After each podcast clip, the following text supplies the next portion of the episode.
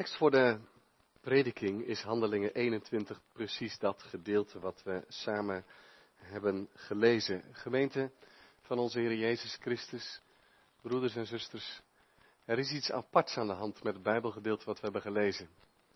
Er zitten een paar hele opvallende dingen in waar ik zo op kom. Onderdeel van het werk van de Heilige Geest is dat Hij stuurt en leiding geeft. Je ziet dat in Handelingen 2 bij het Pinksterfeest, de uitstorting van de Heilige Geest, dat hij mensen in beweging zet om te getuigen, maar ook mensen tot geloof brengt. Je ziet het in Handelingen 13, het begin van de eerste zendingsreis van Paulus, als Paulus met een paar medebroeders in gebed en vasten bijeen is, dat de Heilige Geest zegt, zend mij Paulus en Barnabas uit. Dus de Heilige Geest geeft dan weer de stoot tot de zending. De Heilige Geest geeft antwoord op het gebed. Hoe dat gegaan is, dat weten we niet precies, maar er is daar een diepe overtuiging van de Heilige Geest dat ze niet in de plaats Antiochieën moeten blijven, maar dat ze erop uit moeten gaan voor die eerste zendingsreis. Dus de Heilige Geest stuurt en leidt.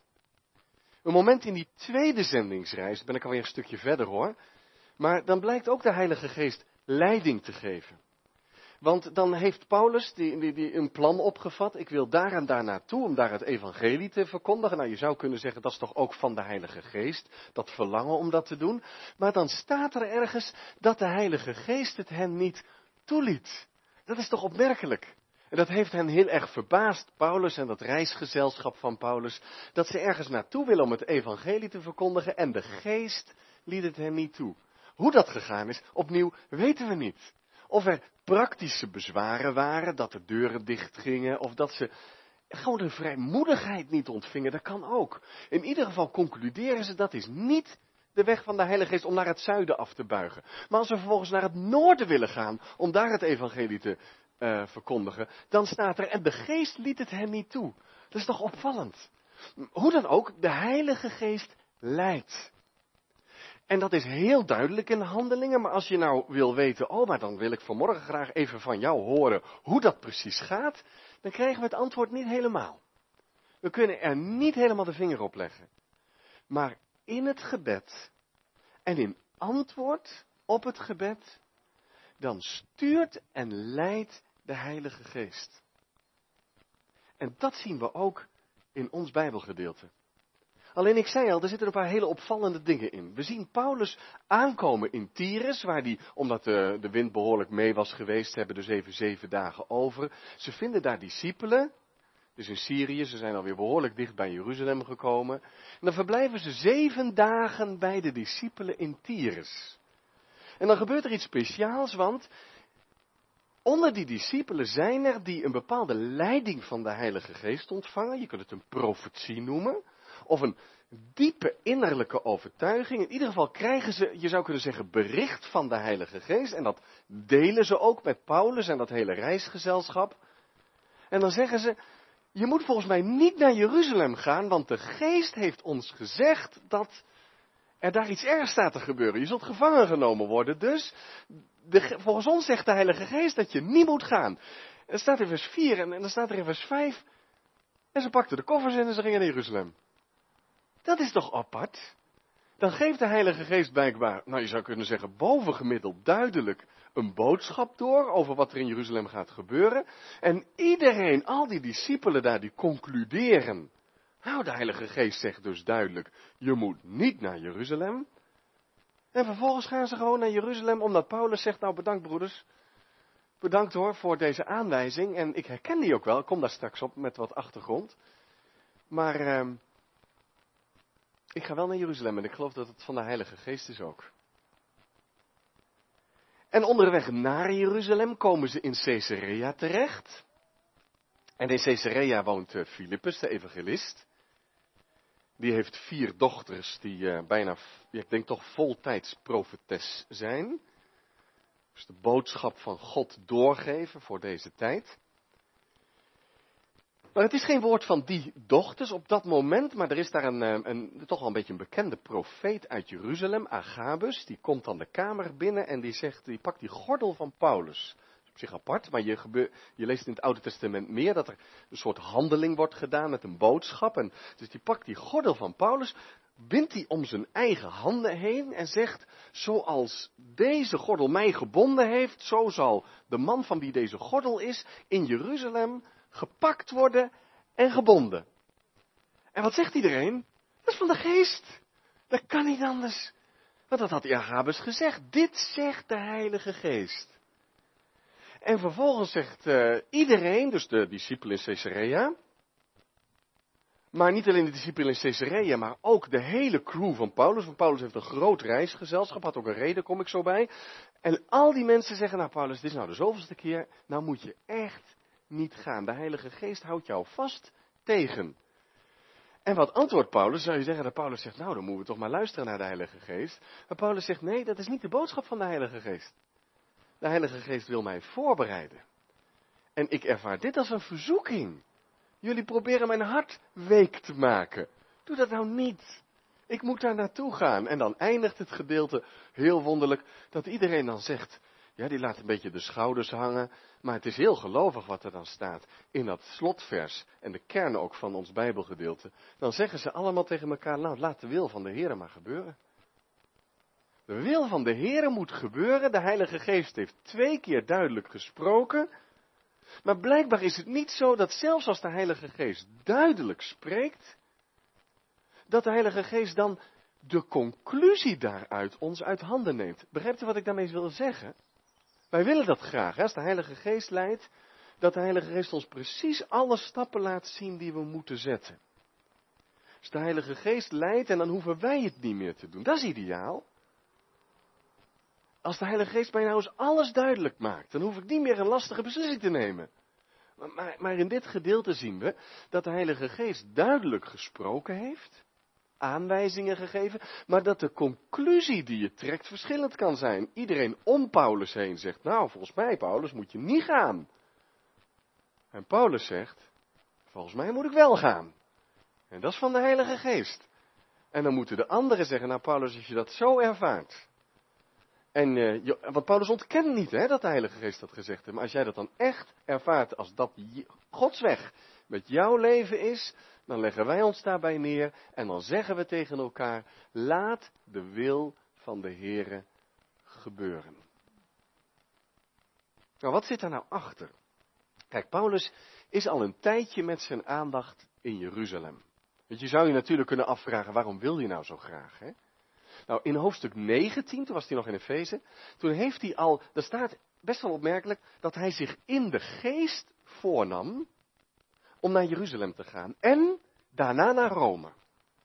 Dus hoe het allemaal uitwerkt in handelingen, dat hij gevangen wordt genomen en uiteindelijk zich op de keizer beroept en naar Rome gaat, dat is, zit allemaal in het kopje van Paulus. Of eigenlijk moet ik zeggen in zijn hart. Hij nam zich in de geest voor. Je zou ook kunnen zeggen dat Paulus dat als een aanwijzing van de Heilige Geest heeft ontvangen dat hij naar Jeruzalem moet gaan. Hij had ook wel een aanleiding, er is een collecte geweest. Eh, dat is ook een symbolische handeling. Namelijk dat al die heidense gemeenten een geldbedrag hebben bijeengebracht om de arme gemeente in Jeruzalem te helpen.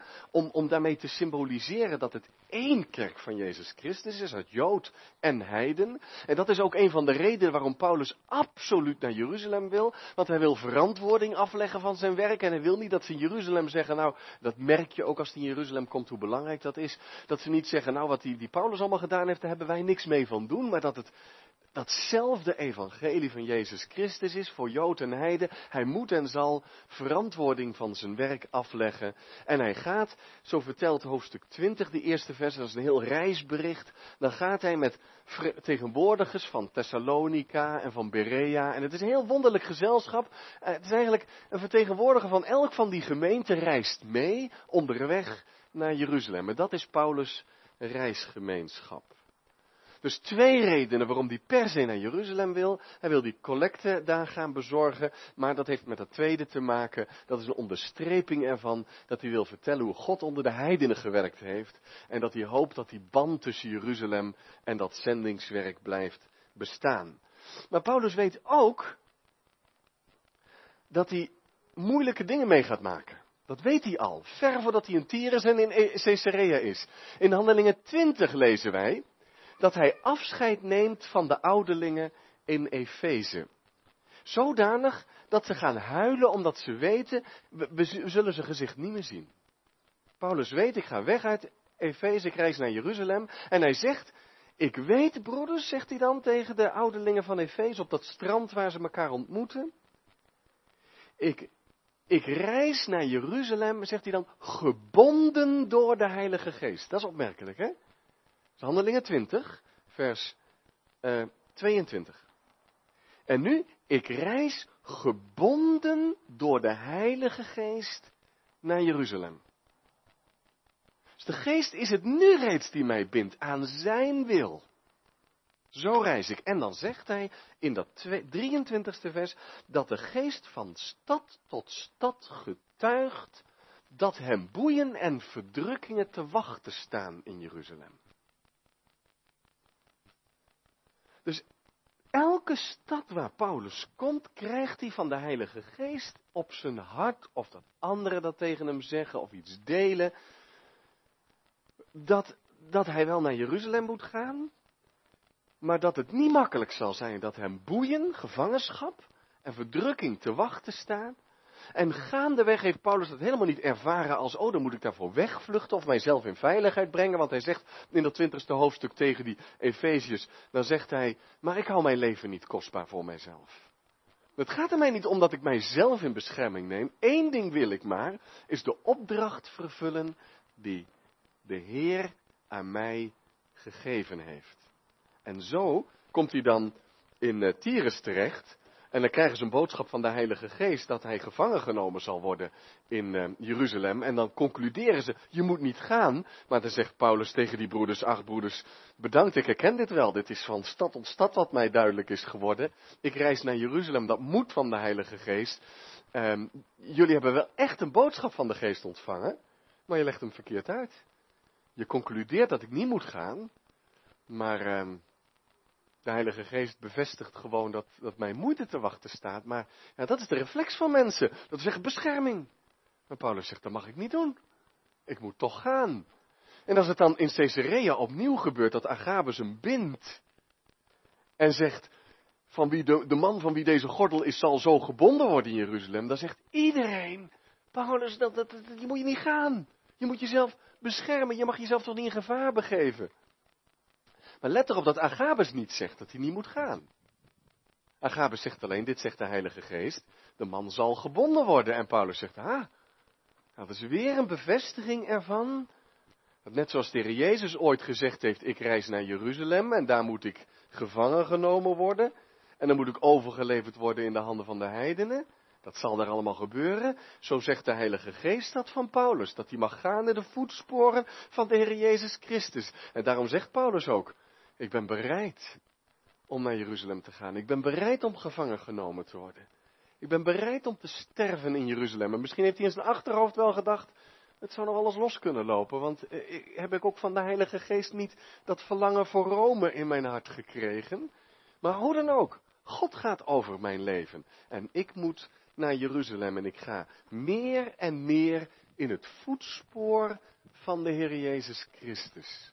Ik mag op Hem lijken. En daarom eindigt dit, hoofd, dit gedeelte met dat we dan samen concluderen. Laat de wil van de Heer gebeuren. Al vonden die mensen om Paulus heen dat moeilijk hoor. Hoe moet de kerk verder zonder Paulus? Het is een hele reisgezelschap. Hoe moet het zendingswerk verder zonder Paulus?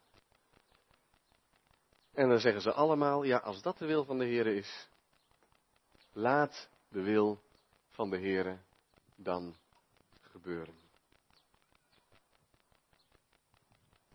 Hoe leven wij onder de leiding van de Heilige Geest? Hoe kunnen wij vanmorgen, maar in alle dagen van ons leven, op dat veertiende vers komen?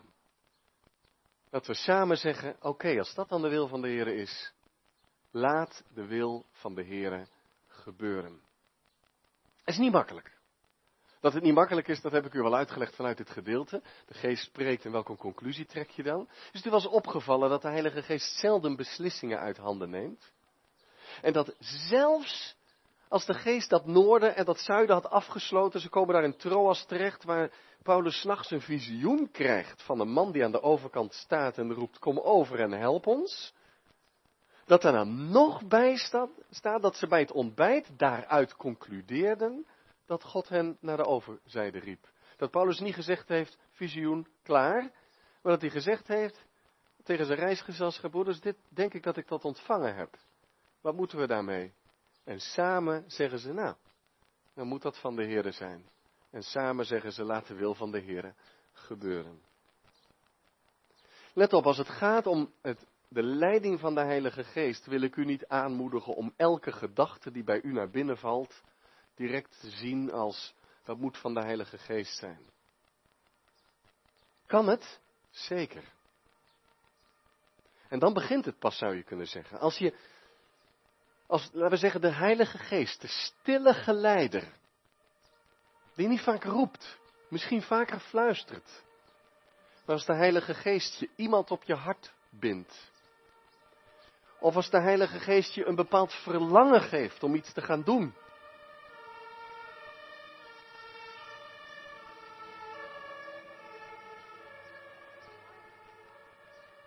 Of de Heilige Geest brengt je in een positie. Waarvan je zegt, dat is toch bijzonder dat ik deze positie nu voor me krijg. Nadat ik een tijd lang gebeden heb om, om leiding en dan gaat er een deur open. Dan kun je zeggen, hey, ik ervaar dat als de sturing, als de leiding van de Heilige Geest. Ik mag dat gaan doen. En dan kan je je zeker nooit meer vergissen. Nee, dan kan je je wel vergissen. En dat vindt de Heilige Geest ook misschien niet zo erg als we maar in gehoorzaamheid zoeken naar de wil van de Heer. En dan ga je praten soms met mensen om je heen die ook de Heilige Geest ontvangen hebben. En vragen om zijn leiding. Hoe kijk jij daar tegenaan? Want je kunt een aanwijzing krijgen en de verkeerde conclusie trekken. Dat kan dus. En samen gevormd door het evangelie van Jezus Christus. Want vergeet niet dat het daarop uitloopt. Hè? Het gaat niet om zomaar een aanwijzing, koop die hoed of doe dat of ga daar eens naartoe enzovoort. Helemaal lukraak. Maar het gaat uiteindelijk om die wil van de Heer. Dat uiteindelijk door die aanwijzingen van de Heilige Geest, Paulus gebonden door de Heilige Geest, in de voetstappen van de Heer Jezus gaat. En meer op Hem gaat lijken. En denk nou vanmorgen zeker niet dat dat alleen een kwestie is van bijzondere taken in de kerk. Als u christen bent, heb je een positie in het koninkrijk van God. Waar je studeert, waar je werkt. En mag je rekenen op de leiding van de Heilige Geest. Die soms zacht aandringt. Dingen in je hart legt. Woorden van God dat je daarmee bezig gaat. Momenten, gebeurtenissen. Sta je daarvoor open? Bid je er ook om? Of is ons leven eigenlijk in, ook als christen in beton gegoten? Dat is mijn leven, daar komt niets of niemand aan. Dat is hoe ik leef. Natuurlijk wil ik wel christelijk leven, maar is er ruimte voor de stille geleider? Voor de Heilige Geest? Die je stuurt, stuwt, dringt, liefde op je hart legt. Of een bepaalde nood waar je je niet van los kan maken. En waarvan je zegt, dat komt op mijn weg. Je hebt een plek in Gods rijk. En een roeping om samen te verstaan. En te zeggen, laat dan de wil van de Heere gebeuren. Hoe gaat dat in onze gemeente? U heeft al gelezen dat we op de 21ste gemeentevergadering hebben en willen nadenken over ja, niets minder dan de vraag: hoe kan de wil van de Heer gebeuren? Wat hebben we in de afgelopen maanden van de Heilige Geest ontvangen? Hoe gaat het verder? Ook met Willemswerkzaamheden, met de diaconaal-missionaire dynamiek in de gemeente. Hoe voorkomen we nu dat we dan bij elkaar komen en er heel menselijk, alleen maar menselijk, en ik zeg niet dat je niet menselijk naar moet kijken, begrijp me goed, maar dat we daarnaar kijken en zeggen, dat vind ik ervan en dat vind ik ervan en die gedachte heb ik erbij en die gedachte heb ik erbij. Maar hoe komen we nou daar onder leiding van de Heilige Geest om dan te zeggen aan het einde van de avond, We geloven dat dit de wil van de Heer is. Dat de naam van de Heer daarmee verheerlijkt wordt. En dat we met deze weg mogen gaan in het voetspoor van de Heer Jezus Christus. Dat is niet altijd makkelijk, hè? Want je ziet Paulus aan Jeruzalem reizen en het is te gevaarlijk. Het is te moeilijk. Het betekent lijden. Maar Paulus zegt, een christenleven dat is uiteindelijk reizen door het leven, gebonden door de Heilige Geest. Biddend om zijn leiding. Sta je voor open? Ik wil je echt vragen. Echt vragen. En ik geef je ook daar zo even een moment stilte voor. Maar niet alleen nu, alstublieft. Niet alleen in deze dienst. Maar ook gewoon thuis en verder. Om echt te bidden. Leid mij, Heer. Geef de leiding van uw Heilige Geest in mijn leven. Dat kan zijn als je voor een grote beslissing staat. Moet ik gaan solliciteren? Moet er iets anders gebeuren? Moet ik verhuizen? Dan mag je ook bidden om de leiding van de Heilige Geest. Maar het gaat ook om het leven van alle dag. Als ik iemand tegenkom en, en misschien dat de geest een ontmoeting wil arrangeren. Dat je ervoor open staat en zegt, Heere, leid dan mij zo, dat ik de woorden ontvang, de woorden van de Heilige Geest, dat ik de liefde van Jezus in mijn hart heb.